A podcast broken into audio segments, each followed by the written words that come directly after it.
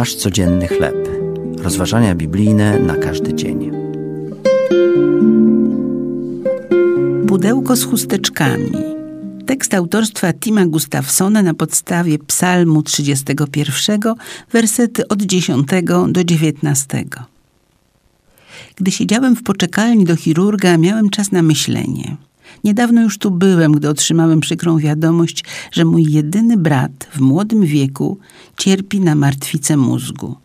Tym razem, gdy czekałem na wiadomość dotyczącą mojej żony, która poddała się poważnemu chirurgicznemu zabiegowi, napisałem do niej długi list. Otoczony przez nerwową paplaninę niczego nieświadomych dzieci, wsłuchiwałem się w cichy, Boży głos. Nagle nadeszła wiadomość. Chciał się ze mną zobaczyć chirurg. Wszedłem do ustronnego pokoju, by czekać. Na stole leżały rzucające się w oczy dwa pudełka z chusteczkami. Nie służyły one do zwykłego wycierania nosa, lecz raczej do wykorzystania w chwilach, gdy padały zimne i przykre słowa, na przykład te, które usłyszałem w chwili śmierci mojego brata. Martwica mózgu oraz nie możemy nic zrobić. W chwilach bólu i niepewności szczerość księgi psalmów sprawia, że w naturalny sposób się do niej zwracamy. Psalm 31 był wołaniem serca Dawida, który przeszedł przez ciężkie próby. Napisał: Życie moje upływa w boleści.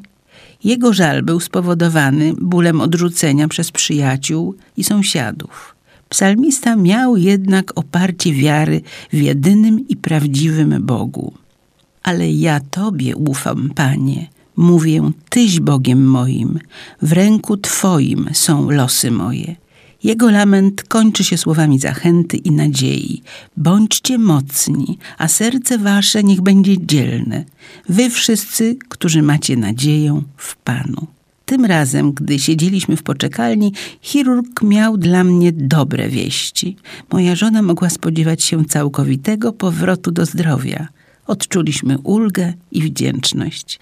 Nawet gdyby jednak nie wszystko było z nią w porządku, nasze losy nadal znajdowały się w Bożych, wszechmocnych rękach.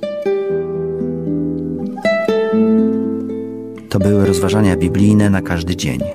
Nasz codzienny chleb.